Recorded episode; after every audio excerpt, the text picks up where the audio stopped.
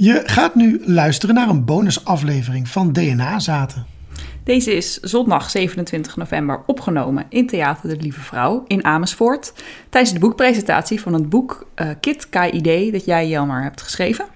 Ja, uh, een heel mooie, fijne, liefdevolle dag kijk ik op terug. Volle zaal. Uh, en heel veel mooie gesprekken die we tijdens de, de opname hebben gevoerd. En ook na afloop. Dus daar mhm. kijk ik heel erg dankbaar op, op terug. Ja, zeker. Goed om nog even te zeggen, tijdens die middag heb ik uh, een aantal stukken uit het boek voorgelezen.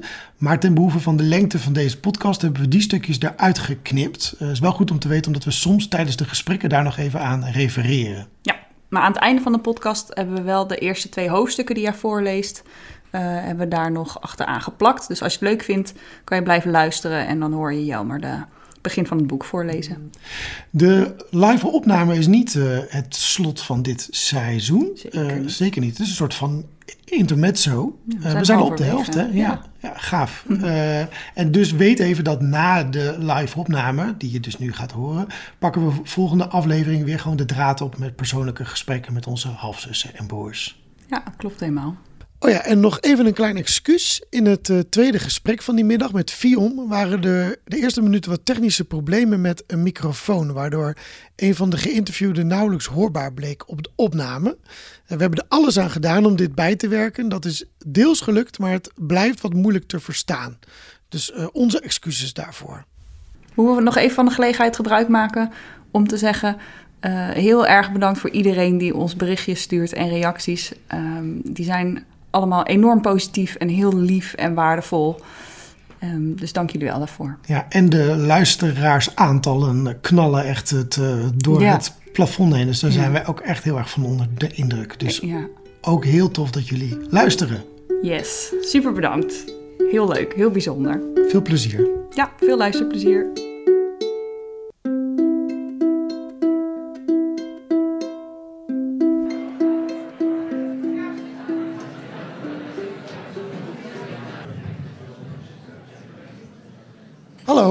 Allemaal.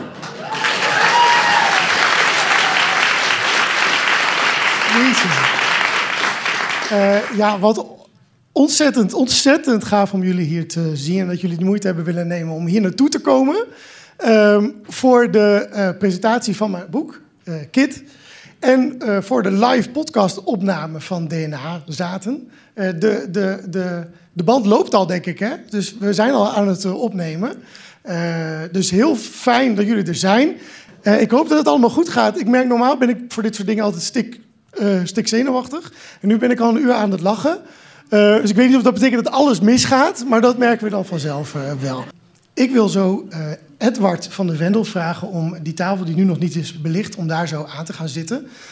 Edward is kinder- en jeugdboekenschrijver en een heel goede vriend van mij. En uh, Edward gaat uh, ons door deze podcastopname verder uh, leiden. Dus Edward, aan jou het woord. Ja, dankjewel Jelmer. Fijn dat u met zoveel mensen gekomen bent. We gaan ja, een soort drosten-effect hebben. We gaan een podcast in een podcast zo beluisteren en bespreken. Heel ingewikkeld, maar dat gaat allemaal goed. We gaan vandaag drie rondes van gesprekken houden om u wat meer achtergrond te, te, te laten weten van, van dit geheel. Uh, we beginnen zo met praten over de podcast die ook vandaag eigenlijk gevierd wordt. Het is uh, een boekpresentatie en een podcastpresentatie. Dan zullen we het middenstuk straks praten met de deskundigen van het FIOM. En op het eind uh, zal ik met Jelmer alleen gaan spreken over, over het boek. Maar ik wil eerst uitnodigen de makers van de podcast waar we het over gaan hebben. En dat zijn Jules en Jelmer.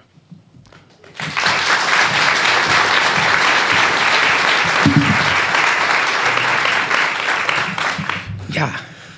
ja, dus inderdaad, we vieren het boek, daar straks over, maar we vieren ook DNA-zaten. Dat is de podcast die jullie samen maken. Er zijn al vijf afleveringen online, eh, zeg ik dat goed? Ja, klopt. Ja, toch? Ja. Hoeveel komen er nog?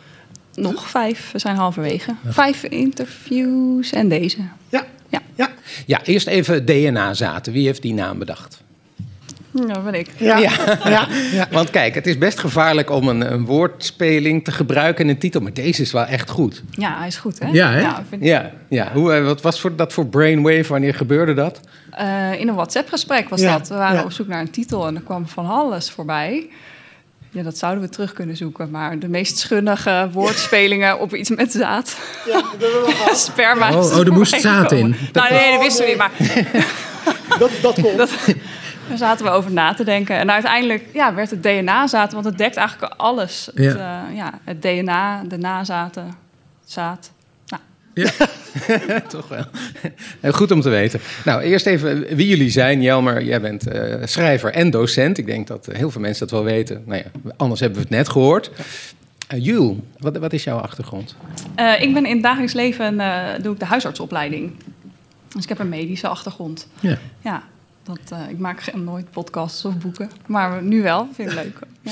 En wat jullie delen is, denk ik, het, eh, ja, net in het, in het boek, in het stuk wat jij voorlas, hoorden we dat er een eh, wat dan, hoe dan moment was. Hè, dat, zo'n moment delen jullie ook. Nou ja, op jullie eigen manier, denk ik. Maar wanneer hebben jullie elkaar leer- leren kennen?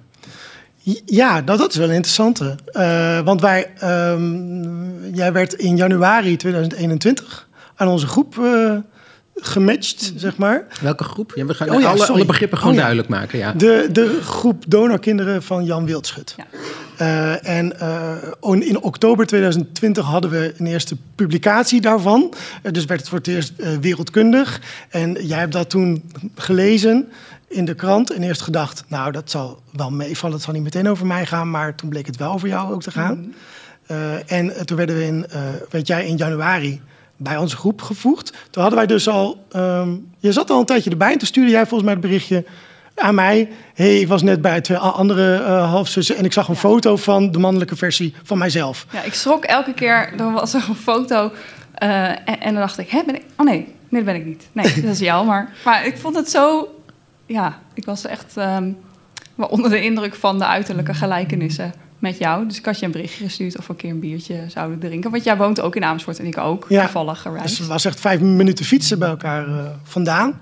En eh, het idee was dat we dat al zouden gaan doen, dat biertje gaan drinken. En toen opeens, ik weet niet eens meer, wat was het toen? Toen- Wij kwamen toen in het nieuws. Ja, toen kwam, in het, eh, toen kwam de publicatie naar buiten dat Jan Wildschut ook zijn eigen zaad had gebruikt als eh, vaders wel vruchtbaar bleken. Dus als ouders in de We moeten dit even goed Oh, uitleggen. sorry. Want ja, dat doen jullie ook zo namelijk heel erg goed in het begin van de podcast. Ehm, ja, misschien kunnen jullie dat toch even in. dat- doen jullie in een paar zinnen. Het is hartstikke ingewikkeld, want er zijn veel eh, ja, data, maar dat doen jullie heel goed. Kunnen jullie dat? Joe kan dat heel goed. Joe kan dat wel. Nee, niet onder druk. Zo zit onder druk. Ehm, er was eens. Nee, in de eh, jaren 80 en 90 werkte Jan Wildschut als gynaecoloog eh, in het Sophia ziekenhuis in Zwolle. En daar eh, deed hij onder andere vruchtbaarheidsbehandelingen. Ehm, KID-behandeling, dus kunstmatige inseminatie met donorzaad. Voor als de vader onvruchtbaar is en de stel toch kinderen wil. En ehm, wat nu, of nou ja, vijf jaar geleden zo'n beetje, eh, dan ontdekt is door Jelmer en de eerste groep halfbroers en zussen, eh, is dat hij ook zijn eigen zaad heeft gebruikt bij die behandelingen. Dus dat het niet alleen maar anonieme donoren waren. eh, die Wat de belofte werden. was aan de, aan de ouders aan de destijds. ouders. ja. ja, maar dat hij ook zelf ge- gedoneerd heeft. Dat is toen in het nieuws gekomen. Toen waren het 17 donorkinderen. Dat kreeg heel veel media-aandacht. Dus heel veel mensen zijn eh, zich gaan testen. Heel veel ouders zijn het gesprek aangegaan thuis. En zo is die groep eigenlijk best wel snel gegroeid. Tot de 56 waarmee we nu zijn. 56. Ja. 56. Binnen, dit is binnen twee jaar eigenlijk, hè? Binnen twee jaar. Ja, maar het gaat niet meer zo snel als in het begin hoor. Nee. Het, eh, het vlakt wel af nu. Ehm, en die publicatie waar we het nu net over hadden, dat was in maart 2021. Want toen werd bekend dat hij dus ook wanneer eh, met ouders was afgesproken... nou, we gebruiken gewoon het zaad van de opvoedvader... dat hij toch ook om redenen die we nog steeds eigenlijk niet goed kunnen begrijpen... zijn eigen zaad heeft gebruikt, waar ehm, nou ja, niemand ooit vanuit was gegaan. Ehm, en dat kwam toen groot in het nieuws. En toen kwamen er allerlei mediaverzoeken die dag. Waar we niet zoveel mee hebben gedaan, maar behalve die van de NOS. Ja. En dat was onze eerste ontmoeting. Ja, want dat was heel leuk, want we eh, ze hadden dus gevraagd... kunnen we met een aantal mensen een interview houden met een aantal mensen van jullie groep. En toen hadden wij gezegd, oké, dat kan dan wel. En, en uh, de, Christine was daar ook bij. Die kwam uit Zwolle, ook naar Amersfoort toe. En hadden we met z'n drieën zouden dat doen. En toen uh, ontdekte de, de redacteur dat wij elkaar nog nooit in het echt hadden gezien. Dus zei ze, oh, kunnen we daar dan een soort van all you need, all you need is love momentje ja, ja. van maken. Toen heb, heb ik de hele tijd achter een, een ja, bestelbusje staan. Achter een auto moesten wachten totdat, totdat de, de camera's klaar, klaar waren. Ja. En het was midden in, in coronatijd. Ja. Dus we wisten niet of we elkaar een hand konden geven. Dus daar kwam het beruchte lucht-high-fiveje van. Ja. ja. Uh, en dat is als gifje heel veel nog in de, de, in de, de appgroep uh, okay. Jullie blijven lucht-high-fives geven ja. aan elkaar, ja. Ja, ja. wat, wat trouwens nog even... Je, je zei, ja, ik, ik zag dan foto's en dacht ik... ja, dit is een mannelijke versie van mij. Maar wat ook echt heel bijzonder is... dat als jij een jongen was geweest... Ja, had ik Jelmer geheten. Ja. ja. hoe is het mogelijk? Ja, je verzint het niet. Nee. Daar kun je ook een boek over schrijven. Ja. Dat ga ik ook doen. Dat was het ja, plan. volgend boek. Ja. Um, waarom hebben jullie bedacht dat er een podcast moest komen? Uh, waarom hebben we dat bedacht? Nou, dat heeft een beetje te maken denk ik, met het boek wat jij nu hebt geschreven en wat uitkomt. En dat, volgens mij is de gedachte ooit bij jou begonnen. Um, van, het zou misschien leuk zijn om een soort tweede deel van het boek te maken, maar dan non-fictie, namelijk met verhalen uit de groep donorkinderen. Ja. Ja. En zo gaandeweg werd dat nou, een podcast. Ja, volgens mij, dit voorjaar van dit jaar zaten wij gewoon regelmatig biertjes te drinken. En toen dacht ik op een gegeven moment, toen dachten wij inderdaad zo al pratende van, maar moeten we daar niet gewoon een, een, een podcast van gaan maken? En moeten we dat niet samen gaan doen? Of volgens mij moest ik jou een beetje overtuigen. Ja, ik ja, moest op een gegeven moment. Ja, joh, voor de podcast die we gaan maken. Dacht ik, oh, oh, gaan we een podcast maken? Oké. Okay. Slim, slim gedaan. Vond ik wel slim. Uh, om, en, en ook omdat um, wij merkten dat um, iedere keer als er mediaverzoeken kwamen, uh, wilden we toch kijken, nou, als dat in enigszins smaakvol met mediaverzoeken is, willen we proberen daaraan tegemoet te komen. Want we willen ook laten zien dat er een menselijk verhaal achter dit uh, dit fenomeen zit.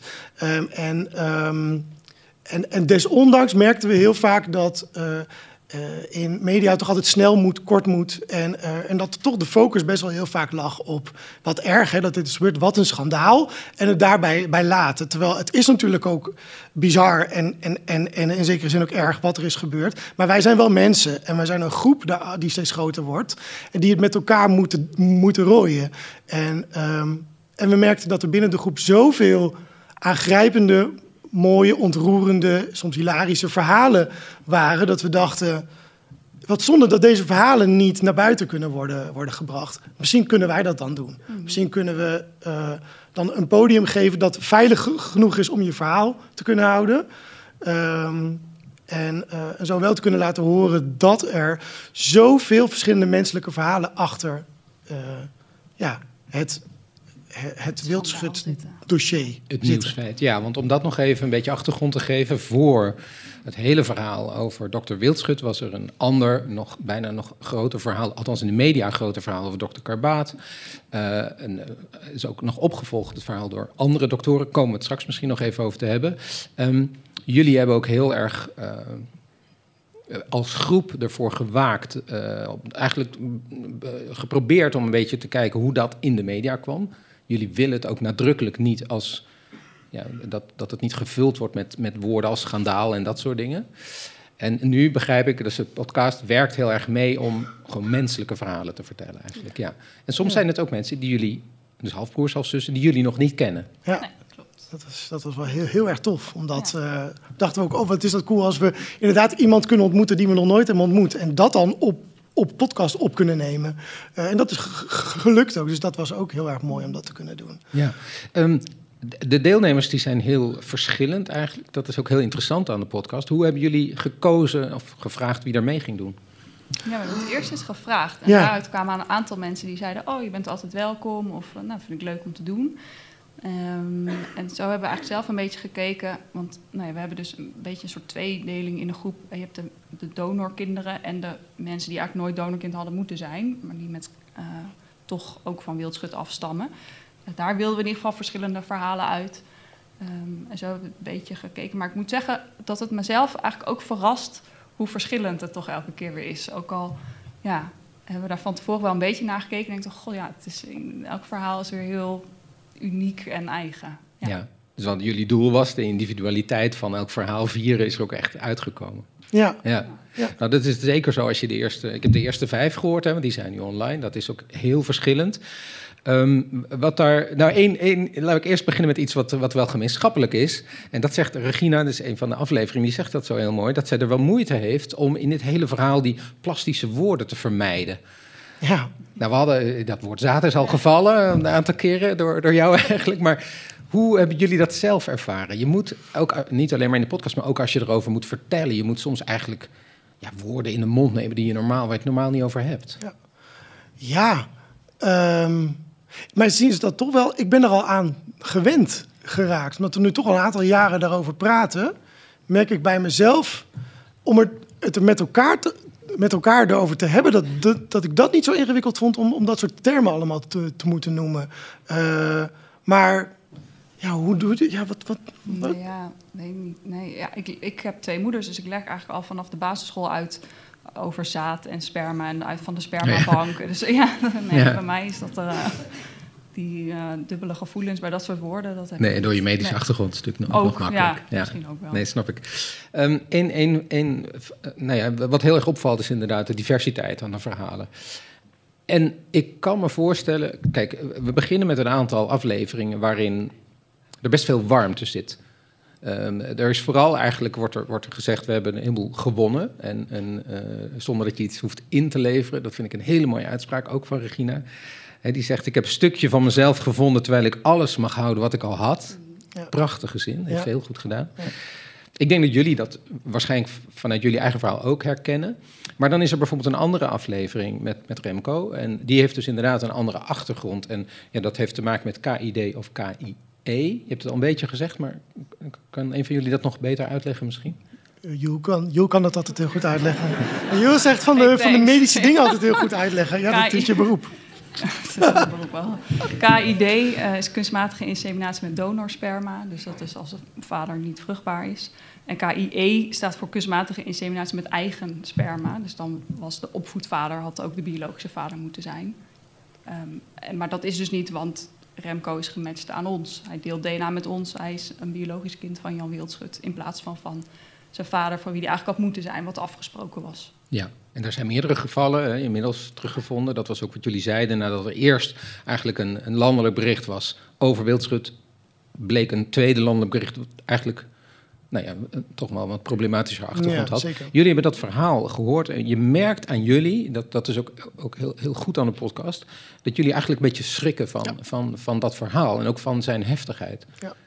Hoe is dat dan om ik kan me heel goed voorstellen dat je voor jezelf. ja, dan ben- zijn jullie al twee jaar aan het, aan het geheel gewend. Je, je, je verwelkomt nieuwe mensen in de appgroep. Je vindt het leuk ook om nieuwe mensen te leren kennen, denk ik.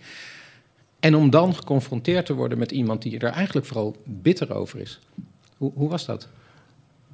Ik, merk, ja, ik merkte vooral dat ik... ehm, ja, ik, kon, ook- ik, ik, ik, ik, ja, ik voelde wel heel erg met hem mee. Ja. Eh, ik, ik kan me niet verplaatsen in zijn per- perspectief, maar ik voelde wel erg met hem mee. En ik dacht, ja, dit, dit begrijp ik wel, dat dit zo voor je voelt.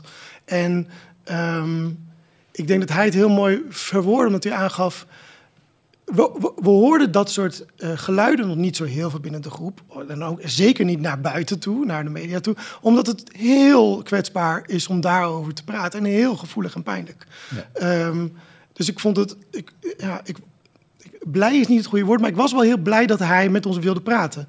En dat zijn verhaal eh, verteld is. En er komt nog een KIE-kind in dit, dit, in dit seizoen eh, naar voren. Ik ben heel blij dat, dat ehm, we dus gelukkig ruimte hebben kunnen geven aan dit geluid. Ehm, omdat dit, hoe moeilijk ook, de, de keerzijde is, die er, of de keerzijde, de, een onderdeel ervan dat- er ook een deel van is. Eh, hoe, hoe heb jij dat er ervaren? Ja. Nou, voor jezelf als persoon eh, blijft, of blijft, vond ik het wel heel lastig om dat ook te horen. Ehm, en niet dat ik het niet, eh, niet dat ik het niet snap, want als je Remco's verhaal hoort en hij kan het heel duidelijk uitleggen, dan denk je, ja, natuurlijk ben je boos. Daar, daar heb ik echt alle begrip van de wereld voor. Alleen, ehm, het is best een heel verhaal waar we in terecht zijn gekomen. En op de een of andere manier moet je daar zelf iets van maken waar je ook weer mee verder kan. En dit vind ik heel lastig te integreren in het verhaal waar ik mee verder kan. Ja. Als ik denk, hoe, ja, ik kan gewoon niet begrijpen waarom het is gebeurd.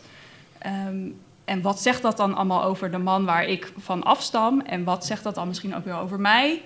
Eh, en nou, daar ben ik nog steeds niet helemaal uit, denk ik. En Nee. dat maakt het voor mij persoonlijk lastig om dat soort verhalen te horen.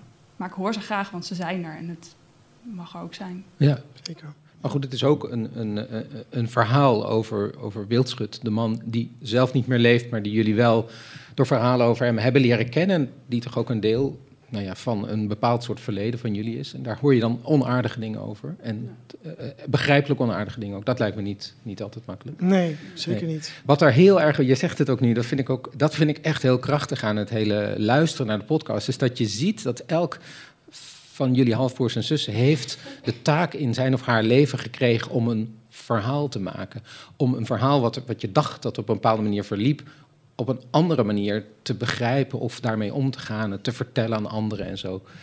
Ehm, hoe, hoe, hoe, hoe zijn de verschillen daarin? Hoe zie je dat anderen daarmee omgaan? Eh, met er een verhaal van maken, bedoel je? Nou ja, iedereen moet op een bepaald moment dit vertellen aan Ja. familieleden. Ja. Er, was, er is iemand in, de, in een van de afleveringen, die eh, ook heel mooi, die heeft er een mooie kaart van gemaakt. Mhm. En dat aan familieleden gestuurd. Wat ik heel krachtig vind om iedereen op de hoogte eh, te brengen. Anderen hebben dat weer anders gedaan. Ja. Hoe, hoe, hoe, vind je, eh, hoe- ja, hoe was dat om te geconfronteerd te worden met al die manieren? Eh, ik denk dat dat heel veel zegt. Het, het, het zei mij heel veel over. eh, en dat vond ik een enorm leerzaam iets van deze podcast maken. Hoeveel impact het op iedereen heeft gehad. En niet alleen op jezelf, maar ook op je fa- familie. Het, omdat het ook zoveel zegt over hoe je familie met elkaar bent. En ehm, ik vond dat heel, eh, ehm, heel mooi en ook ontroerend om te horen hoe ieder voor zich daar zo zorgvuldig over na- nagedacht had. Eh, maar ook bijvoorbeeld hoe ieder voor zich erachter is, erachter is gekomen. En dat is soms ook heel, ehm, heel herkenbaar en soms ook heel pijnlijk. In, dat, in dat alles schuilt volgens mij heel, heel erg hoe ieder van ons van een totaal ander perspectief afkomt. eh, en eh, nu hier zit, zeg maar. Ehm, en dat vond ik vooral heel erg mooi. Hoe je na al die levens waarin je elkaar helemaal niet hebt gekend, opeens allemaal op hetzelfde punt even, even uitkomt aan die keukentafel en dan met elkaar praat. Eh, dat vond ik er heel erg verrijkend aan. Ja. Ja. ja, en ik vind het ook wel opvallend. ehm, er zijn mensen die het inderdaad hebben verteld, maar er zijn eh, denk ik ook nog in onze groep best heel wat mensen die het nog niet vertellen, waarvan eigenlijk nog niemand het weet. Ehm, ja, dat, ja, ik weet eigenlijk niet wat ik daarmee wil zeggen, maar dat valt op. Ja. Ehm, niet iedereen is, kan of mag daar even open over zijn, omdat jouw verhaal zegt niet alleen iets over jou, maar je zegt ook iets over je vader, die dus geen kinderen kon krijgen. Of over je ouders die bij een dokter zijn geweest omdat dat moeilijk ging. Of iets over je halfbroer of halfzus, die daar misschien helemaal nog niet over wil praten met iemand anders. Dus ehm, ja, het heeft wel implicaties als je je eigen verhaal vertelt. Verhaal vertelt, vertel je ook meteen iets over iemand anders. Ja. En daar zit denk ik voor veel mensen het pijnpunt om ehm, nou ja, er open en bloot over te kunnen praten. Ja.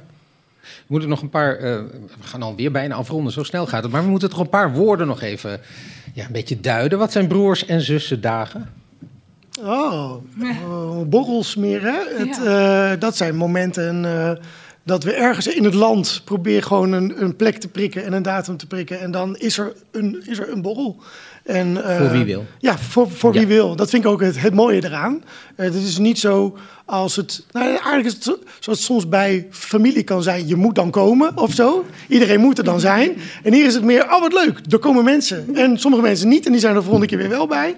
Eh, dus dat, dat eh, zijn Kan altijd... iemand. Ja, Ja. en het zijn altijd interessante dagen, want ze zijn soms heel ongemakkelijk ook. Omdat je denkt, je kent elkaar helemaal niet. Sommige mensen zie je dan voor het eerst en hoe ga je dat doen? En op een, op een bepaalde manier is het ook weer ontzettend leuk, omdat je zo, zo'n interessant verhaal met elkaar hebt te, te delen.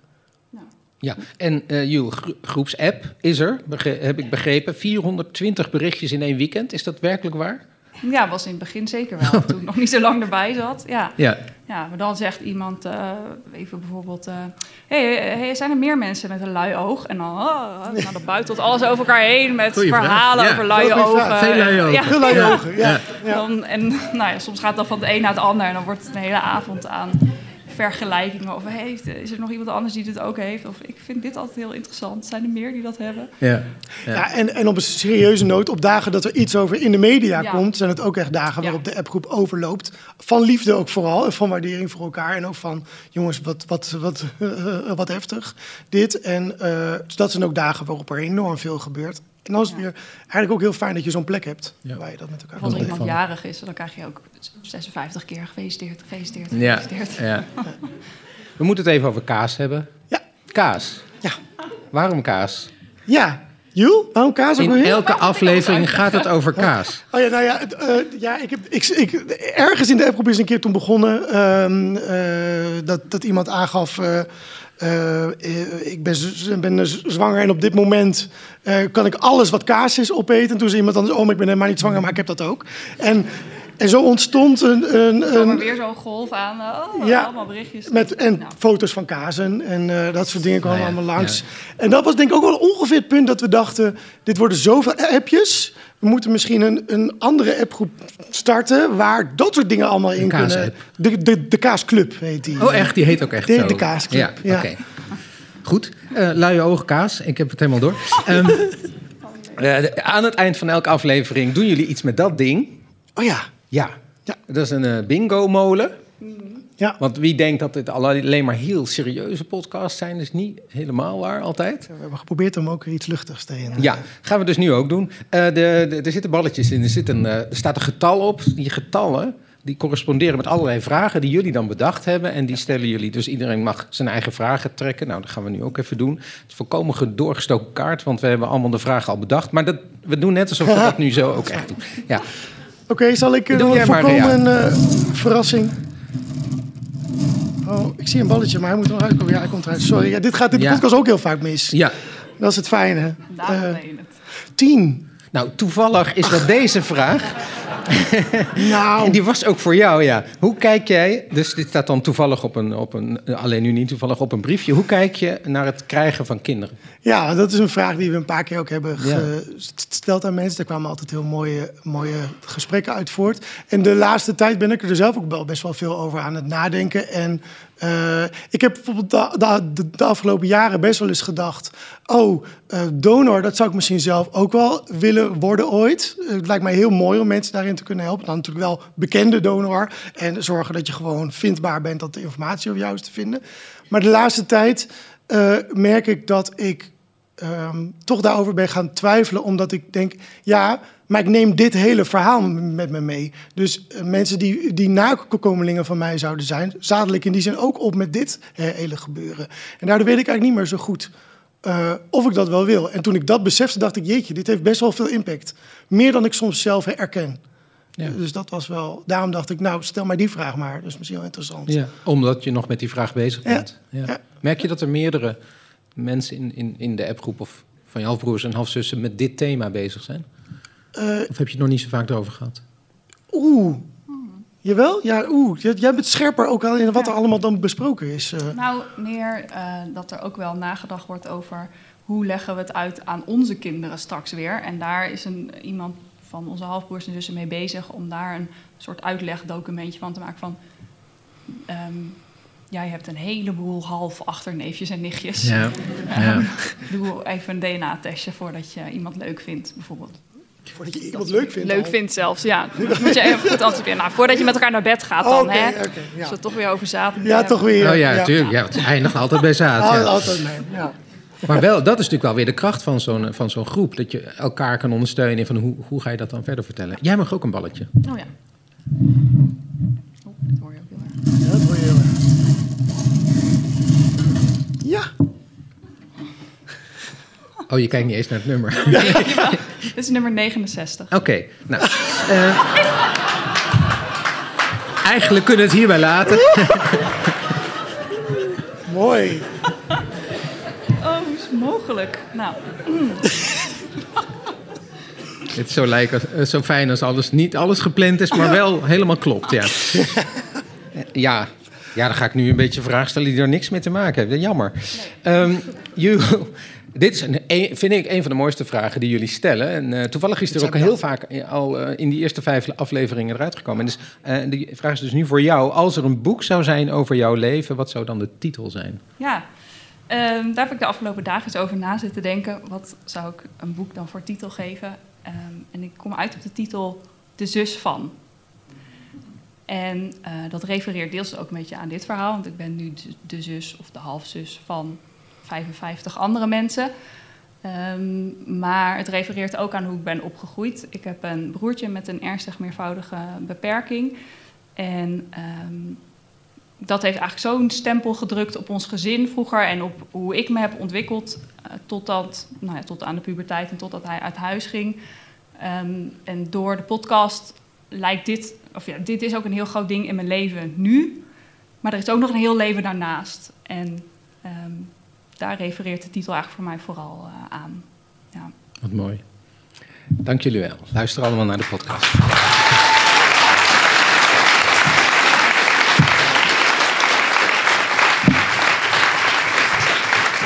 Eh, we gaan spreken met twee medewerkers van het FIOM. En om eerst maar te zeggen wat het FIOM is. Nou, dat is in 1930 opgericht. Dat is eigenlijk een afkorting van iets wat helemaal niet meer specifiek staat voor wat, eh, wat het FIOM nu doet. Eigenlijk was het Federatie van Instellingen voor de ongehuwde moeder en haar kind. Zo is het ooit begonnen. Maar tegenwoordig biedt het FIOM eh, hulp op allerlei gebieden. Bij ongewenste zwangerschap, eh, voor geadopteerden. Maar is er vooral ook voor afstammingsvragen. Dus zoekacties naar familieleden. Zo heeft het FIOM een KID-register voor donorkinderen. En er is ook eh, psychosociale begeleiding die uit de matches die uit die, ja, uit die zoektochten voortkomen. En twee van die begeleiders zijn hier en dat zijn Janneke Maas en Fred Gunlach.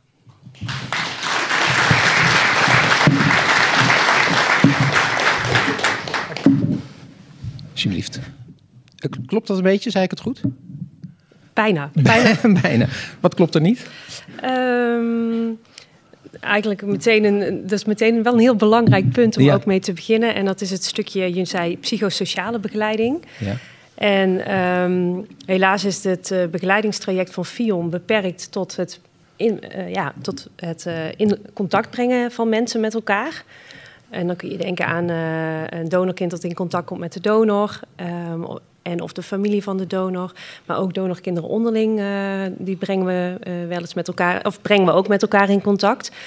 En ehm, dat, ja, ehm, echt die hulpverlening, daar is wel degelijk behoefte aan, maar dat kunnen wij ook niet altijd bieden, omdat de subsidie die wij krijgen daar de ruimte niet voor geeft.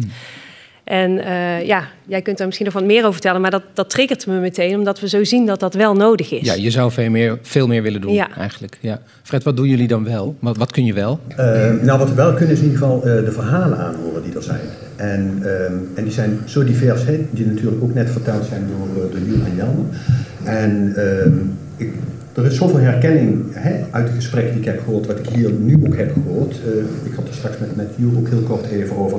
Alleen al het, het, het thema of het onderwerp loyaliteit wat, eh, wat speelt, wat heel veel mensen hier ook ongetwijfeld zullen herkennen, is iets wat steeds terugkomt. En ook, ook Loyaliteit naar. de loyaliteit naar de, eh, naar de, biolo- naar, sorry, naar de opvoedvader en naar de, naar de moeder, maar ook een stukje loyaliteit mogelijk naar de, naar de donor. En het daarin zoeken van hè, met, met wie ga ik contact aan, met wie wil ik contact aangaan, maar vooral ook met wie mag ik gevoelsmatig contact aangaan, het onderzoeken van mijn wensen, is iets wat voor heel veel kinderen heel lastig is. En ik merk dat, dat we daar ook steeds in op zoek zijn van, van ja, kunnen we daar iets in bieden of is alleen al het aanhoren van het verhaal misschien voldoende op een bepaald moment? Ja, dus dat, het gaat dan zo, denk, eh, als ik het goed begrijp. Hè? Dus de, er is iemand op zoek die weet, die, door Google of door horen van anderen, dat er bij het FIOM een databank is.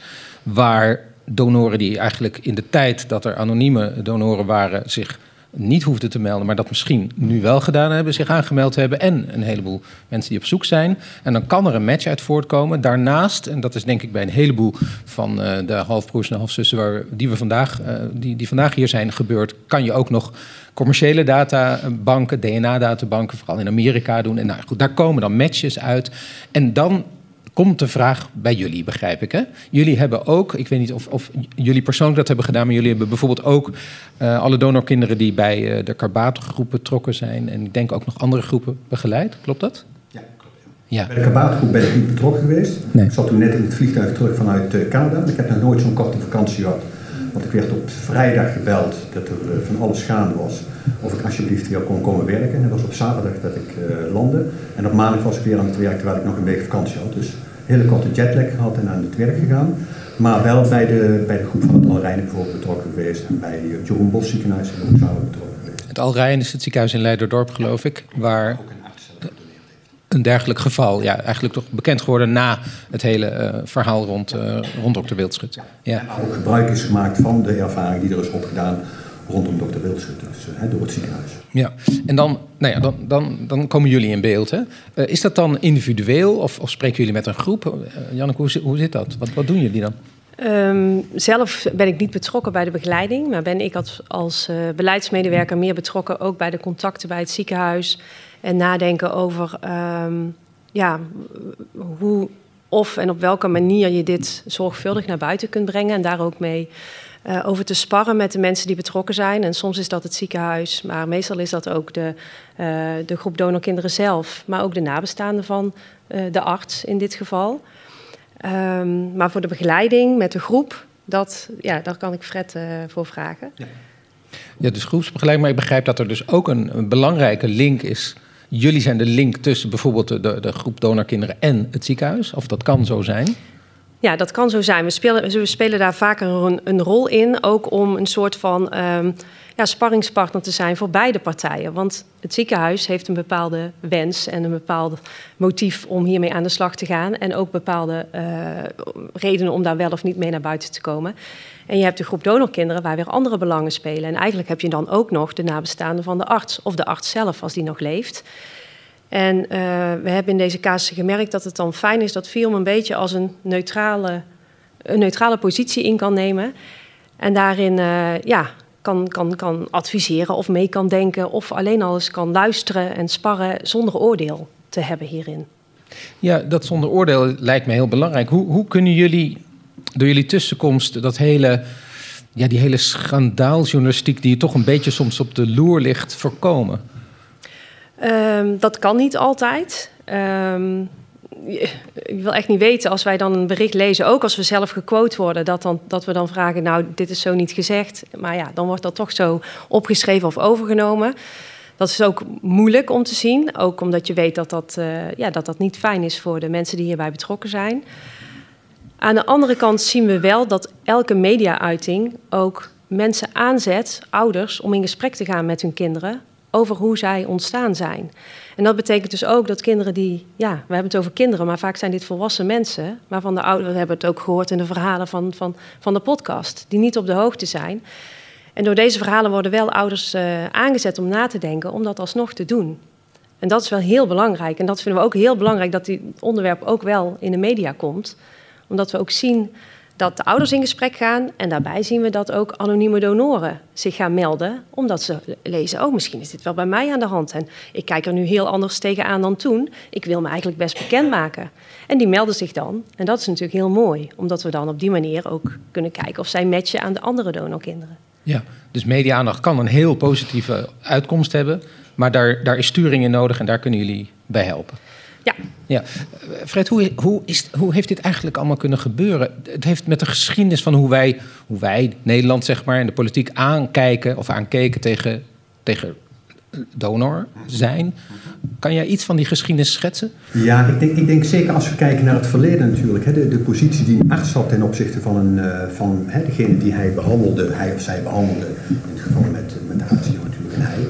Um, um, die toch een hele andere positie innam dan hoe het tegenwoordig is. Uh, ook denk ik dat er heel anders uh, gekeken werd naar het belang van de kinderen. Hè.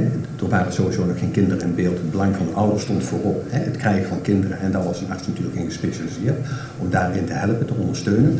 Plus wat er ook ja, eigenlijk altijd is vergeten. Zo van uh, kinderen kunnen op enig moment met vragen komen. Hè. Het belang van de kinderen is eigenlijk helemaal buiten beeld gelaten. En, en ehm, ook artsen die tegen ouders hebben gezegd, heel dwingend soms hebben gezegd of opgelegd met verklaringen die ze moeten ondertekenen. Van praat er nooit met je kind over, want het zorgt ervoor dat de band tussen de niet-biologische vader en het kind, dat die slechter zal gaan worden. Terwijl wat we nu juist weten, door die moeilijke onderwerpen aan te gaan, door erover te praten, door het erover te hebben, ja, dat het juist ook weer voor, verbind, voor verbinding kan, uh, kan zorgen tussen mensen. Dus het is, het is denk ik ook wel hè, wat in de loop van de tijden heel erg is opgeschoven. Maar eerlijk is eerlijk, de adviezen die in het verleden zijn gegeven zijn natuurlijk niet goed geweest. Ik denk dat het daar allemaal wel over eens En dan heb je het over de adviezen en je zegt dus, dat wist ik niet, dat er dus echt soms ook contracten moesten worden getekend, moesten worden getekend met, met, met de ouders. Dat ze het niet mochten vertellen. Niet aan niemand, en, maar zeker niet aan hun kinderen. Nee. Het, het, ging zelfs zover als ouders er al over gepraat hadden met familieleden dat ze dit van plan waren, dat ze geweigerd werden voor de behandeling. Echt waar. Ongelooflijk. En vanuit, kunnen we nog, want we hebben het over de jaren 80, eh, eigenlijk jaren 70, 80, 90, tot aan het jaar 2004, toen is de wet veranderd. Maar kunnen jullie, jullie hebben er zoveel mee te maken, hebben er zoveel over gehoord, kunnen jullie nog bij de psyche van die doktoren toen, waar, waarom zij dat vonden? Waarom, waarom deden ze dat? Ik denk ook de tijdsgeest die er toen was. Hè, van, van, uh, en, en echt ook hun overtuiging is geweest. Zo, van, ja, het is beter om het er niet over te hebben. Maak een nieuwe start, zoals het bij adoptie in het verleden ook was. Hè, dan maken we ook vaker uh, vergelijkingen mee. Heb het niet meer over het verleden, maar begin opnieuw. Terwijl ja, je kunt alles doen natuurlijk, behalve opnieuw beginnen. Er zit een stukje geschiedenis aan vast. En die geschiedenis moet je meenemen. Daar hebben kinderen ook recht op om, om het over die geschiedenis te kunnen hebben.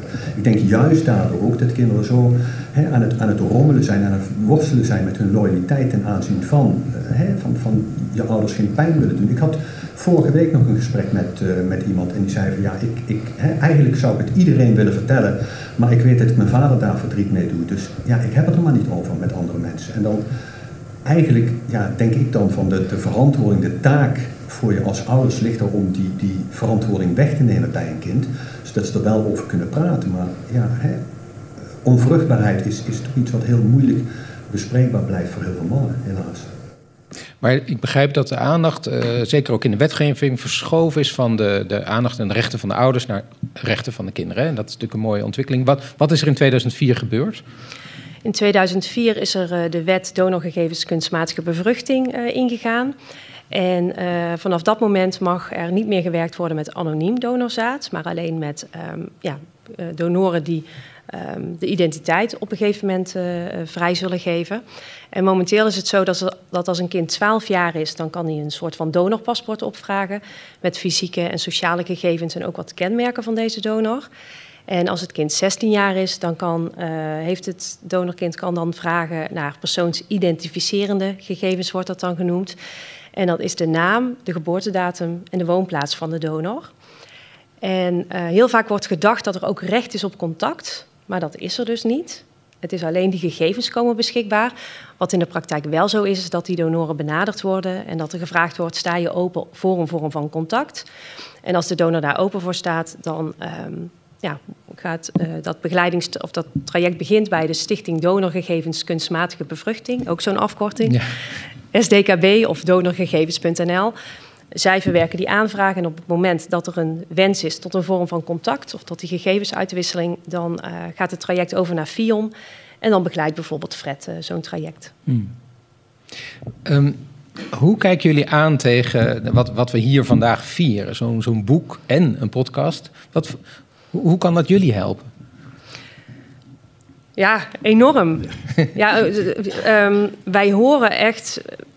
Ja, mensen hebben gewoon behoefte aan, aan verhalen, aan willen weten hoe andere mensen het ervaren, waar zij tegenaan lopen, waar zij. Um, hoe ze dingen aanpakken waar, ja, waar ze mee te maken krijgen. Uh, maar ook het stukje media-aandacht en een stukje bekendheid en een stukje dat je al die gedachten mag hebben en dat dat niet wil zeggen dat je, ja, dat je daarin niet verder kunt gaan. En um, ja, we proberen ook uh, de, de mensen die bij ons ingeschreven staan, die sturen we nieuwsbrieven. En dan proberen wij ook altijd op de hoogte te brengen van de verschillende podcasts die er bestaan. Van um, de verschillende verhalen die gedeeld worden. Want mensen hebben er echt heel veel aan. Dus ja, heel waardevol. Ja. Ja, en met, met name ook te horen en te merken dat je niet de enige bent. Hè? Want voor heel veel kinderen is natuurlijk, als je er niet over kunt praten. Nou ja, heb het in het boek eigenlijk ook een beetje uh, hè, aan het begin naar voren komt zo van, van hè, met, met twee voetbalvrienden het wel, wel delen. Maar de rest met drie voetbalvrienden trouwens. Uh, en het verder niet. Maar uh, ja, het is, het is belangrijk dat kinderen inderdaad het gevoel hebben dat ze erover kunnen praten. En dat ze erover mogen praten. Ik, ja, hè, ik denk dat ik niet vaak genoeg kan benadrukken dat die openheid zo ontzettend belangrijk is. Dat je erover mag praten, dat er over gesproken wordt. En ja, die verschillen merken ook heel goed zo van hè, de kinderen die bij ons komen, die, die pas op latere leeftijd te weten zijn gekomen door, uh, ja, hè, ik hoorde het van iemand die zijn ouders waren overleden, die was het huis leeg aan het halen en die kwam een kistje tegen. En er zaten uh, formulieren en die gingen erover dat hun ouders bij een, een arts waren geweest voor inseminatie.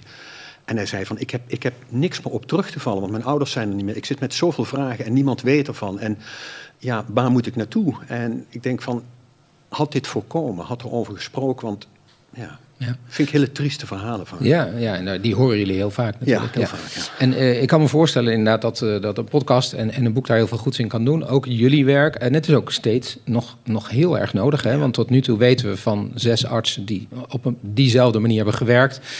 Uh, maar er zijn ook wel schattingen dat er nog meer artsen zijn. Dat we dat in de komende ja, jaren misschien zullen, zullen horen. Dus er zullen nog heel veel, helaas, heel ja. veel mensen zijn die dat zullen ontdekken. Um, allerlaatste vraag, uh, kort aan jullie allebei. Wat, wat wens je voor je eigen uh, taak, of voor de taak van het FIOM? Wat, wat zou je dan nog, nog meer willen doen of nog beter willen doen, Fred? Ja, voor mij is duidelijk die hulpverlening die er moet komen. Dus vanaf het moment dat ik bij Fion ben uh, gekomen, uh, was ik verbaasd dat er niets was. Nou, we zijn nu inmiddels een paar jaar bezig en ook in samenwerking nu gelukkig met, met Stichting Donorkind en met, uh, met het, help me even Janneke, met het... Um... Het landelijk informatiepunt donorconceptie. Dankjewel. Do Fijn om je allebei Donorconceptie.nl Ja. um, maar maar we krijgen zo ontzettend veel vragen van mensen die...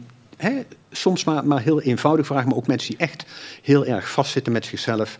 En daar moet ondersteuning voor, uh, voor komen. Dus ja. uh, nou, als, ik, als ik daar mijn, mijn productieve werkleven mee zou kunnen eindigen, dat dat er is, ben ik dik tevreden. Jij, Janneke, nog andere wensen? Ja, daar zou ik nog aan toe willen voegen dat, uh, ja, dat echt de ouders opgeroepen wordt om openheid te geven aan hun kinderen. En wat ik heel um, mooi zou vinden en wat ik vind dat nog beter kan, is dat we leren van deze ervaringen. En dat we die meenemen in hoe zaken nu geregeld zijn. Want um, op papier lijkt dat heel mooi, maar in de praktijk ja. zitten daar nu ook nog um, zaken in die beter kunnen gaan. En uh, nou, daar, daar, blijven wij ons hart voor maken. En gelukkig met vele samenwerkingspartners. Ja. Dus uh, heel belangrijk. Fijn. Dank jullie wel voor al jullie werk. En zeker ook voor jullie toelichting hier. Janneke Maas, Vetgemaakt.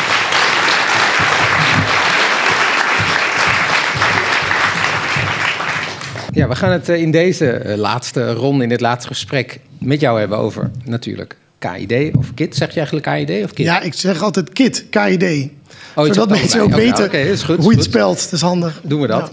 Ja. Um, Jelmer, dit is je vierde boek. In 2012 debuteerde je met Risk. En in 2017 kwam Lichaam van Licht. Toen was er nog het Eurovisie Songfestival. Dat ik met, dat ik met jou... En Dave Boomkens. En dat kwam uit op de dag dat het Eurovisie Songfestival werd afgelast. Ja. Goeie timing. Woe! ja. En nu is er dan uh, Kit KID. Um, als je nou die vier een beetje moet ranken in hoe moeilijk ze waren om te schrijven... waar, zit, waar komt uh, Kit dan? Bovenaan. Ja? Ja, ja. Waarom ja. was het zo moeilijk? Um, omdat, nou, om twee redenen, nou, nee, wel meer redenen, maar twee belangrijke redenen, denk ik. Uh, omdat het verhaal aan de achterkant voortdurend veranderde. Dus ik was aan het schrijven, maar nou, eigenlijk was ik van plan om een boek te schrijven over een, uh, een iemand die op latere leeftijd horen krijgt dat hij donorkind is, maar geen aanknopingspunten heeft. Dus eigenlijk niets vindt. En daar wilde ik een boek over schrijven, over die worsteling. En maar eigenlijk als research stap voor dat boek dacht ik, ik schrijf me ook even voor de zekerheid, heb ik toen met, met, met mijn broer samen gedaan, voor de zekerheid bij wat commerciële DNA-databanken in. Dan heb ik dat gedaan, dan weet ik hoe dat gaat, dan kan ik dat in, in het boek verwerken. En toen bleek ik aan een aantal mensen te zijn gematcht. En bleek, bleek ik opeens uh, halfzussen te hebben. Nou ja, en daarna ging dat verhaal verder. Dus, um, en omdat dat verhaal zo explodeerde, dat, terwijl ik al aan het boek aan het schrijven was, nou, dat was dus heel ingewikkeld. En het tweede was, uh, wat ik heel ingewikkeld vond, was ik wilde een verhaal schrijven wat wel zoveel mogelijk leek op wat ik heb meegemaakt.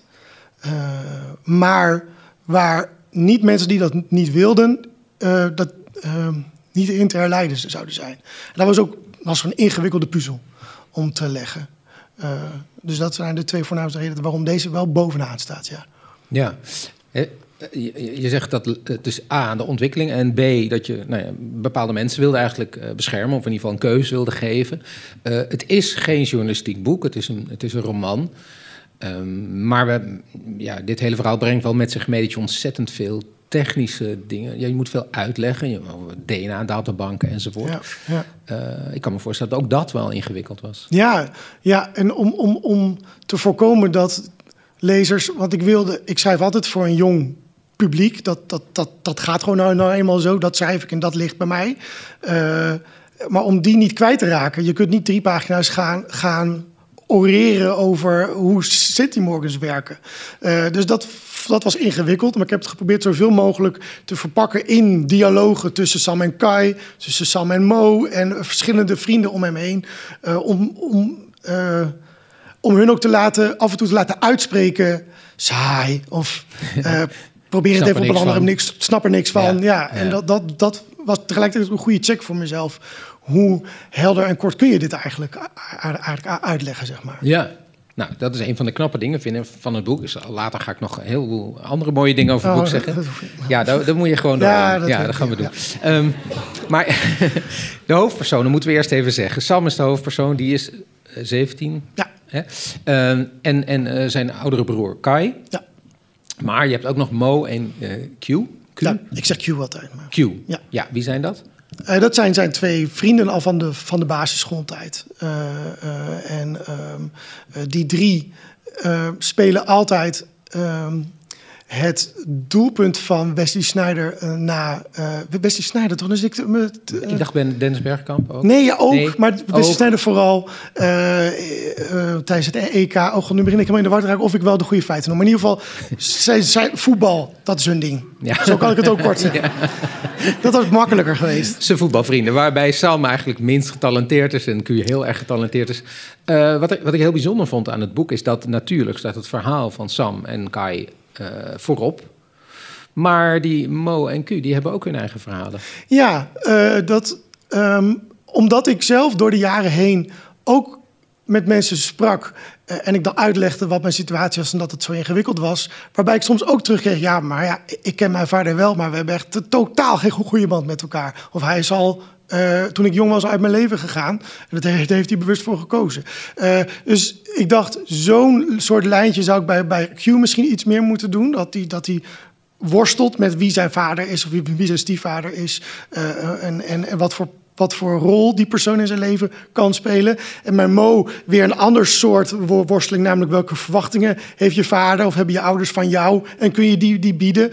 Zo wilde ik verschillende worstelingen die je kan hebben met kind zijn, met een vader hebben, uh, om die worstelingen in die personages terug te laten komen. Ja. Daar, waarmee het ook een boek over vaderschap geworden is. Ja. Of de contact eigenlijk tussen zonen en vaders. Ja. ja. ja. Um, jij zei daar straks eventjes, eh, dus toen ik vroeg wat er moeilijk was, zei je, ik wilde sommige mensen niet, uh, niet beschadigen, of in ieder geval ik wilde ze een keus geven. Hoe, hoe ging dat dan? Eh, heb je het op een bepaald moment geschreven en aan een aantal mensen laten lezen of zo? Ja, dat. Ja, ja, ja. En, en, en met de vraag: uh, uh, wat, wat, wat is er nodig om dit een, een, verhaal te laten zijn waar je je niet, niet oncomfortabel bij voelt? Nee. Wetende dat dat niet altijd kan. Wetende ook, en dat heb ik toen ook bij gezegd, dat ik ook schrijver ben en een verhaal wil schrijven dat zo goed mogelijk de boodschap overbrengt. Uh, dus ik moest daar heel erg tussen schipperen. En dat heb ik geprobeerd zo open mogelijk te, te doen, dat uh, schipperen. Dus om duidelijk mogelijk uit te leggen waarom ik soms wel ke ke keuzes maakte om, om, passages in het boek te hebben waarvan ik wist dat ze kwetsbaar zijn, maar waarvan ik ook dacht, ja, maar die moeten er echt in, want die maken dit verhaal tot wat het is. Um, dus zo heb ik dat geprobeerd te doen, maar ik denk dat dat wel, uh, wel een jaar extra schrijftijd wel heeft gekost, om hmm. dat goed, nou ja, hopelijk goed te krijgen. En ik weet niet of dit een te persoonlijke vraag is, maar welk, wat, wat voor soort mensen, welke mensen hebben dan meegelezen? Eh, zowel uit de groep, eh, eh, de, de, de, de, de, groep, ha- ha- de groep halfbroers en zussen, maar ook de, de familie, de familie Wildschut, ook zijn, zijn, zijn kinderen. Echt, ja. Ja, en, ehm, eh, en mijn, eigen, mijn eigen familie heb ik het ook la, van tevoren laten, le- laten lezen. Ja. Dus dat was daardoor ook zo complex. Want iedereen heeft natuurlijk ook, staat er zo op een eigen manier in. En heeft dus ook de eigen kwetsbaarheden en eigen wensen over ook dat liever niet. Of dat graag wel. Ja. Eh, dus dat was wel complex daardoor, ja. Heb je je voorbereid op vragen, niet specifiek nu hoor, maar ik bedoel vanaf nu, nu het boek er is, naar wat is er echt gebeurd en wat is er niet? Hoe denk je daarover? Ja, daar heb ik me. Ik, ik, dacht dat ik me daarop voorbereid had. En, en toen we laatst werden geïnterviewd door de, door, de, eh, door de Stentor, kwam die vraag ook en bleef ze er ook een beetje op doorvragen, wat ik ook begreep. Toen dacht ik wel, oeh, dit is toch wel best wel ingewikkeld. Hoe, hoe verwoord ik dit nou? Eh, maar daarin heb ik. ehm, nou, eigenlijk probeer ik iedere keer vooral die worsteling uit te leggen. En daardoor eigenlijk een beetje de vraag te omzeilen... wat is er nou echt precies waar en wat niet. Eh, maar bijvoorbeeld wel van de, de, de dokter die in het boek voorkomt... eh, waar... Oh, moet ik spoilers? Nou, nee. Ehm, heb ik wel geprobeerd zo... Soms zitten er passages in die van hem een mens maakten. En dat wilde ik toch heel graag doen. Dat wilde ik in ieder geval met dit boek heel graag doen. Wetende dat dat niet door iedereen... eh, ehm, dat niet iedereen dat zou willen. Eh, maar dat ik wel, ja, maar dit is ook... Ik ben ook schrijver en dit is het product dat ik maak... eh, waar, waarvan ik denk, dit kan iets bijdragen aan het gesprek over donorconceptie... en over eh, kwesties zoals die van ons. Ja. Ik ik omzeil nu met een heel lang antwoord jouw vraag. Nee, mij. ik vind nou ja, ja, dat doe je. Maar ja, dat, dat, dat geeft niet. Want ik vind het toch ook interessant. Waarom wilde je dat eigenlijk? Waarom wilde je ja, de, zeg maar de, de goede kanten van deze dokter, die trouwens een andere naam heeft in het boek, eh, benadrukken? Ja, nou, ik weet niet of goede het goede woord is, Nee. eh, maar de menselijke kant. Mensen. Ehm, omdat eh, ik wil niemand verdedigen, maar vooral mensen meer inzicht geven of meer informatie geven. Ehm, en want ik denk dat dat gewoon heel vaak, dat hebben wij ervaren de afgelopen jaren, als er hierover werd gesproken, bijvoorbeeld in, de media, dat de mensen heel vaak hun, oordeel gewoon klaar hebben. Als er iets, eh, dat, is dat maak ik toch even een uitstapje naar de podcast die ik met Jules maak, maar als we iets heel vaak, bijna iedere keer, ieder gesprek terug horen, is eh, hoe erg het is om de comments te lezen onder berichten van media die over ons gaan. Dus hoe totaal ongenuanceerd mensen hier- hierover kunnen zijn. En het gaat mij niet om dat ik probeer iemand ergens van te overtuigen, maar meer dat ik denk, maar weet je wel dat dit alle informatie is die er, die er eigenlijk is. Ja, ja. Eh, bij zo'n schrijfproces proces zijn natuurlijk, eh, dat zei je al, het was een langdurig en soms ook moeilijk schrijfproces. Maar je kan eigenlijk ook zeggen dat er altijd boven dat schrijven een soort eh, weer hangt. Weer. Ik bedoel weer in de zin van mooi weer of slecht weer. Wanneer onweerde het boven het boek? Oh, wat een goede vraag, wat een mooie vraag. Ik denk dat het, ja, ja, ja. Het onweer zit vooral in, de eerste, in het eerste deel. Eh, waar ik zelf ook het onweer in mijn, in mijn leven heel veel heb ervaren. Is vanaf het moment dat Sam weet dat hij donorkind is, maar geen enkel aan- aanknopingspunt heeft. Dat is het eerste deel. Dat vond ik ook heel spannend duurt dat deel niet te lang. Maar ik dacht ook, het moet lang duren. Want zo lang duurt het voor een donorkind vaak. Voordat je iets van Als je al überhaupt aanknopingspunten naar iets krijgt. Ehm, maar daar zit, hangt boven Sam en daardoor ook wel boven mij hangt het onweer. Eh, met hoe ga ik hiermee om? Ehm, en ehm, hoe kijk ik naar het gezin om mij heen? Eh, en dat Ehm, en ik denk dat het later in het boek heel hard gaat regenen. Maar dat die regen niet, niet zo erg is. Dat het ook weer een interessante regen aan halfbroers en zussen is. Zoiets, ja, dat kan je wel zeggen. ja. Nou, ja, ja, het B- B-gedeelte van deze vraag is natuurlijk wanneer scheen de zon boven het schrijfproces? Ja, Eh, ik denk ehm, boven het schrijfproces hing de zon eh, het afgelopen jaar. eh, begon de zon echt te schijnen. En dat kwam denk ik doordat ik het gevoel had, zo- voor zover ik het kon doen, heb ik iedereen die hier raakvlakken mee heeft geprobeerd om, om, zich hier oké bij te laten voelen. En ik voel vooral de dingen vallen op hun plek. Hmm. en uh, daardoor merk ik ook nu het boek er is. Ik denk bij vorige boeken was ik nog veel zenuwachtiger over. Uh, wordt het gerecenseerd? Of hoe gaat het ontvangen worden? En nu denk ik, ja, dat kan me eigenlijk niet meer zoveel schelen. Want dit boek is er en daar ben ik gewoon trots op, zoals het er staat. Dit had ik willen schrijven, dit was het verhaal waarvan ik dacht dat het er moest komen. Uh, dus ja, dat, dat mooie weer brak in het laatst, brak op het laatst door. Ja, en een paar, paar korte, kleine vragen. Um, ja, daar moet ik voor inleiden dat ik het, uh, dat heb ik jou al gezegd, gelukkig, dat ik het echt een fantastisch boek vind om allerlei redenen. Nou, daar gaan we dus dan, hè? Kijk ja, aan. Ja. ja? Omdat het als een trein leest. En dat is dus ontzettend knap, met zo ontzettend veel informatie die je moet geven. Um, omdat het ook grappig is. Er zit een hele snelle communicatie tussen die jongens in. Dat vind ik heel tof. Um, omdat je er ook die, die, die, dat voetballen zit er ook een beetje in. Uh, dat maakt het ook snel eigenlijk. En omdat je het verbreedt, het is niet alleen maar Sam. Je kan het nog ja, aan. Ik hoef hier niks op te zeggen. Nee, hè? nee, nee, nee, nee, Maar kijk even of je het, of je het erin. Ja. Ik kan het aan. Maar een van de, ja, het is een klein iets, maar toch wel belangrijk. Nou ja, belangrijk. Um, ik, ik zou, als er nou een prijs zou bestaan voor het boek waarin een schrijver een droom opschrijft en dat het beste doet, dan zou dit boek dat winnen. Dus dromen in boeken zijn meestal niet zo heel erg tof. Hè? Want dan, ja, je weet niet waarom een schrijver dat doet. En iedereen kan alles dromen. En wat zegt dat? Maar jij hebt echt een fantastische, hele korte droom in het boek beschreven. Um, ja, die, die staat op bladzijde 270. Ik weet niet of je... Om, ja, je kan hem misschien beter even vertellen eh, ja. waar die over gaat. Voor zover ik het zelf nog weet, maar ik zal kan, kan, ja, het wel... Je leest hem anders even voor. Uh, ik heb het hier, ik heb, kijk hier, ik heb het aangeduid. Oh, dat is fijn, dat is handig. Ja. Die, oh. die nacht droomde Sam dat hij op de tribune zat bij een wedstrijd. Eerst begreep hij niet goed wat voor wedstrijd het was, tot hij beter keek. Drie mannen, drie mannen stonden op de atletiekbaan in de startblokken. Dr. Kabaat, Dr. Wagenaar, Wagenaar en Gerard van het Woud. Uh, dat moet ik uitleggen misschien wie Gerard nou, van het Woud is. Het is een familielid waardoor ze andere familieleden vinden. Het startschot klonk en zo snel als ze konden maakten de drie zich uit de voeten. Hun doel was duidelijk. Ze moesten zich zo goed mogelijk verstoppen. En daarna mocht het publiek gaan zoeken. Wie het langst verborgen bleef, had gewonnen. dat is wat je... Ja, echt fantastisch. Maar ik weet...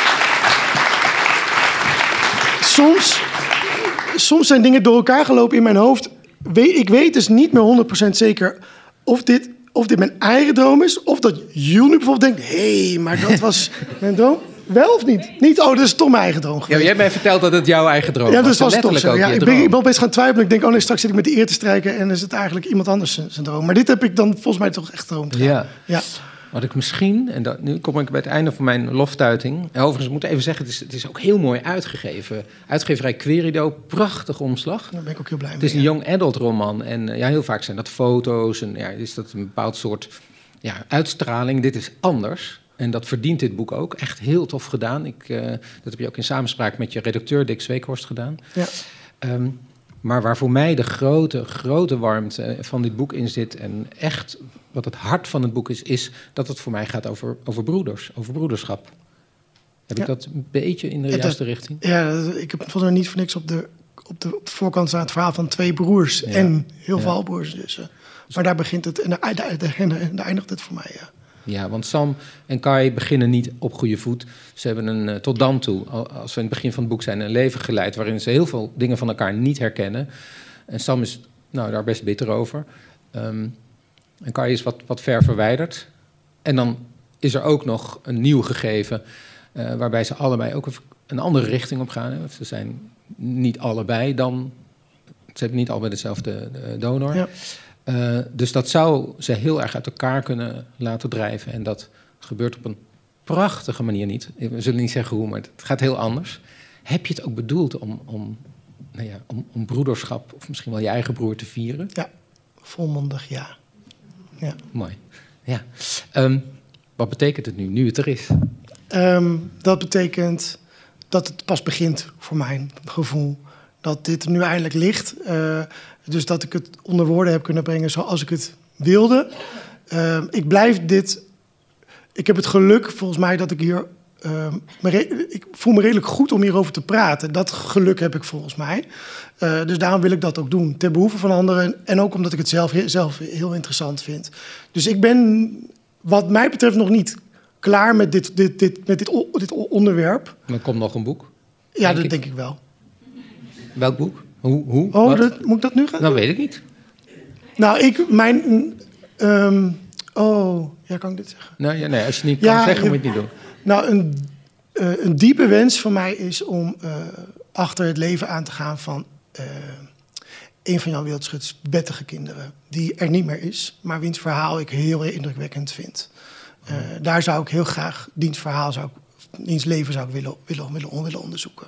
Maar geen idee of dat kan en lukt. Nee, nee. Maar deze is er nu. Ja. En tot slot wil ik nog zeggen, ik lees... Niet iedereen zal me kennen, maar ik lees echt heel veel. Ik lees echt Ja, heel veel is kinder- en jeugdboeken. Dat is echt waar. En dit jaar heb ik geteld, ik heb meer kinder- en jeugdboeken gelezen dan de vorige jaren. En ik heb ook best heel veel young adult boeken in, die in Nederland zijn geschreven dit jaar. En dit is echt jammer. En ik, echt niet omdat wij bevriend zijn, maar dit is far out het allerbeste Nederlandstalige young adult boek wat geschreven is dit jaar.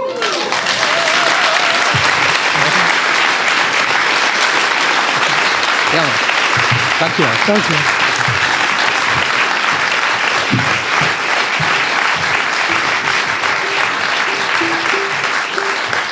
Dit was de bonusaflevering. Je kan nu nog blijven luisteren naar de eerste twee hoofdstukken van het boek die Jelmer gaat voorlezen. Volgende week kan je luisteren naar weer een reguliere aflevering. En dan praten we met eh, halfbroer Arjen.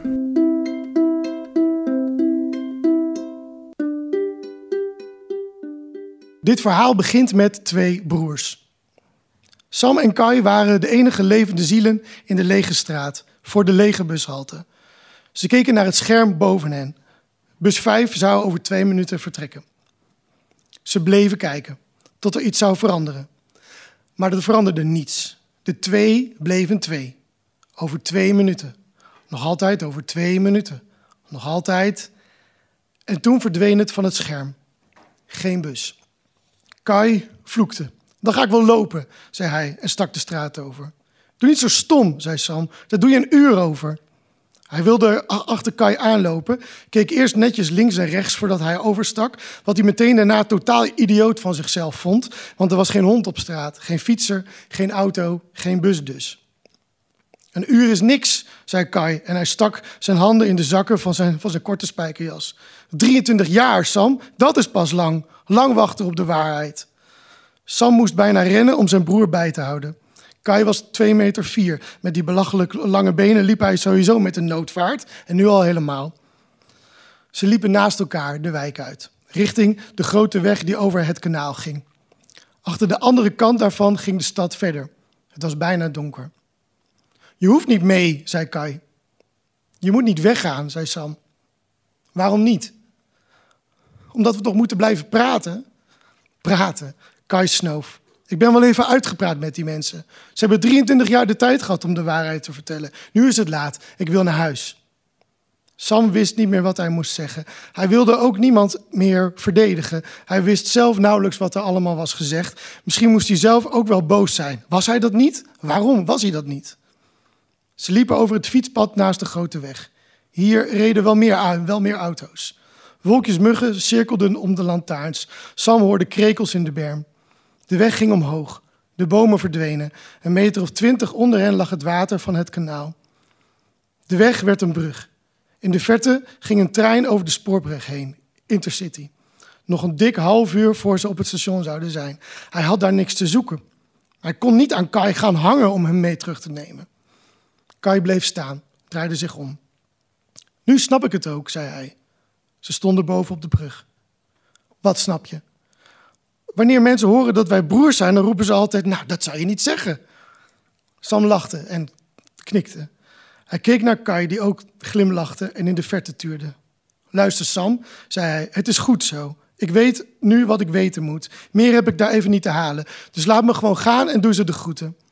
Maar je kunt er niks aan veranderen. Je kunt het niet goed maken nu, oké? Sam probeerde te ontdekken waar zijn broer naar stond te turen, maar vond niets bijzonders. Water, een langgerekte, bijna zwarte vlakte onder hem. Oké, zei hij toen. En het volgende moment omhelsde Kai hem ongemakkelijk. Dat deden ze eigenlijk nooit. En nu pas voelde hij hoe dun Kai was. Ik spreek je wel weer, oké? Oké. En Kai liep door, naar de overkant van het water, naar de stad, naar het station. En Sam keek hem na. Sam deed zijn oortjes in, nam een stuk of zes omwegen om nog maar niet weer thuis te hoeven zijn.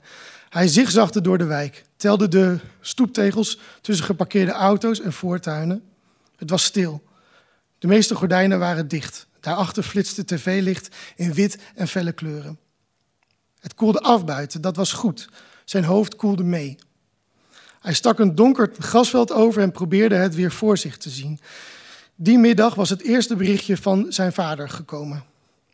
Ben je thuis vanavond? We moeten wat met jullie bespreken. Bespreken? Uh, ja, Kai komt ook. Wat dan? Uh, niks ernstigs, oké? Maak je geen zorgen. Waarom doe je nou zo serieus? Uh, dat leggen we vanavond uit. Er is niemand ziek en er gaat niemand dood, oké? Tegelijkertijd kwam het eerste berichtje van Kai al binnen. Wie gaat er dood? niemand, zegt pap. Wat de fuck is er dan aan de hand? Hij wil niks zeggen. Tegen jou ook niet? Ze gaat toch niet scheiden of zo? En weer een berichtje van zijn vader. En we gaan ook niet scheiden, oké? Okay? Waar slaat dit op, pap? Maar daar reageerde hij uh, niet meer op. Nee, ook niet scheiden, zegt, zegt hij. Zeker weten? Ze doen de laatste tijd wel gek tegen elkaar. Niemand ziek, niemand dood, niemand scheiden. Echt zeker weten? Ja. Dat was het begin van de middag. Nu was het bijna nacht. Sam checkte zijn telefoon. Half twaalf. Hij kwam bij het speeltuintje waar hij vroeger altijd speelde. Er was niemand. Hij ging zitten op de schommel. Alles was nu donker en het leek zo ver weg. De woorden die waren gezegd, de nieuwe realiteit die was begonnen. Was het allemaal wel echt gebeurd? Had hij het niet verzonnen? Maar hij hoorde weer zijn vader, die zijn keel schraapte. Hij was weer terug naar uren daarvoor. Het was echt. Jullie weten, was zijn vader begonnen, en toen nog eens. Jullie weten dat we hier geen geheimen voor elkaar hebben. Zo hebben we jullie opgevoed. Hij wachtte even naar die zin. Hun moeder keek nog steeds naar de tafel. Niemand reageerde. Hij ging verder. Toen we net getrouwd waren, wilden we graag een gezin, maar dat lukte niet. Jullie weten dat het best wel lang duurde voordat we Kai kregen. We waren toen al vijf jaar getrouwd. Sam had daar nooit bij stilgestaan. Maar oké, blijkbaar was dat zo. Hij keek naar Kai, die onbewogen naar hun moeder staarde. Die keek op haar beurt weer naar hun vader. Die moest doorgaan, maar speelde met zijn vork, zuchtte.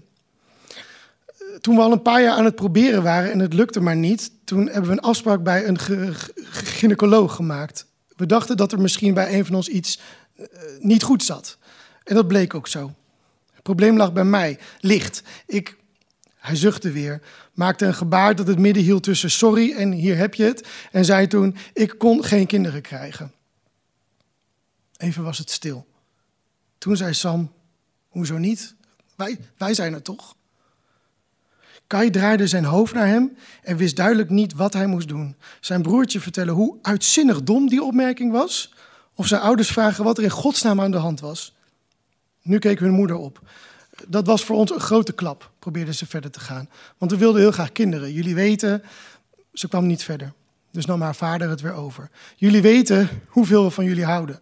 Dan weet je ook hoe graag we jullie wilden. We hebben toen over veel dingen nagedacht. Adopteren was een heel moeilijk en lang proces.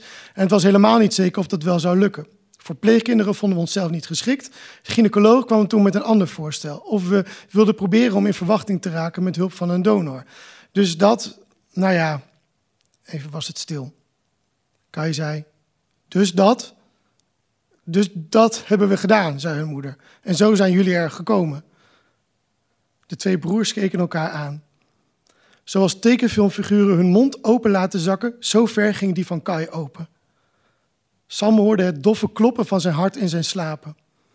Op de achtergrond klonk hun vader nog met een verhaal over dat ze ervan overtuigd waren tot op de dag van vandaag dat dat hele biologische verhaal niet uitmaakt. Of je nou van elkaar afstamt of niet. Je bent opgevoed, je deelt je leven met elkaar, je bent toch familie. Maar die laatste zin kon hij niet afmaken, want Kai en Sam werden wakker en riepen nu door elkaar heen Een donor? Dus papa is niet onze vader? Hebben wij een andere vader? Wie dan? Hoe dan? Maar hun moeder schudde haar hoofd. Dat, dat weten we niet. Ze zei het wel vier, vijf, zes, zeven keer, omdat ze maar bleven vragen. Dat weten we niet. Dat weten we echt niet. We weten het niet. Geen idee. Dat hebben we nooit geweten. Hoezo, dat weten we niet, riep Kai na de zevende keer. Je weet toch wel door wie je bent bevrucht? Kai, riep zijn vader. Waarop Kai giftig wat terugriep. Nee, schudde man weer haar hoofd. Dat weten we niet. Alle donoren waren in die tijd anoniem. Maar iemand moet dat toch weten? Ze schudde haar hoofd, haalde haar, haar schouders op. De dokter zei dat er niets werd geregistreerd, dat alle donoren volledig anoniem waren. Kai maakte een hulpeloos gebaar. Dus dat is het? Niemand weet het? Niemand heeft enig idee? We hebben een onbekende vader en niemand weet het? Jullie hebben allebei een onbekende vader en niet dezelfde vader. Niet dezelfde? Kai stond nu op. Serieus? Wat? Kai, zei pap. En Kai maakte geluiden, maar het werden geen zinnen. Hij bewoog zijn handen, maar het werden geen gebaren. Wat wil je weten, Kai? vroeg zijn vader. Waarom we dit nu pas horen, zei Sam toen, plotseling rustig. Dat wil Kai weten. Kai keek naar hem alsof hij was vergeten dat hij er ook nog zat. Zijn broer van een andere vader. Zijn halfbroer sinds een minuut. Toen knikte hij. Omdat het er voor ons niet toe deed, zei een vader.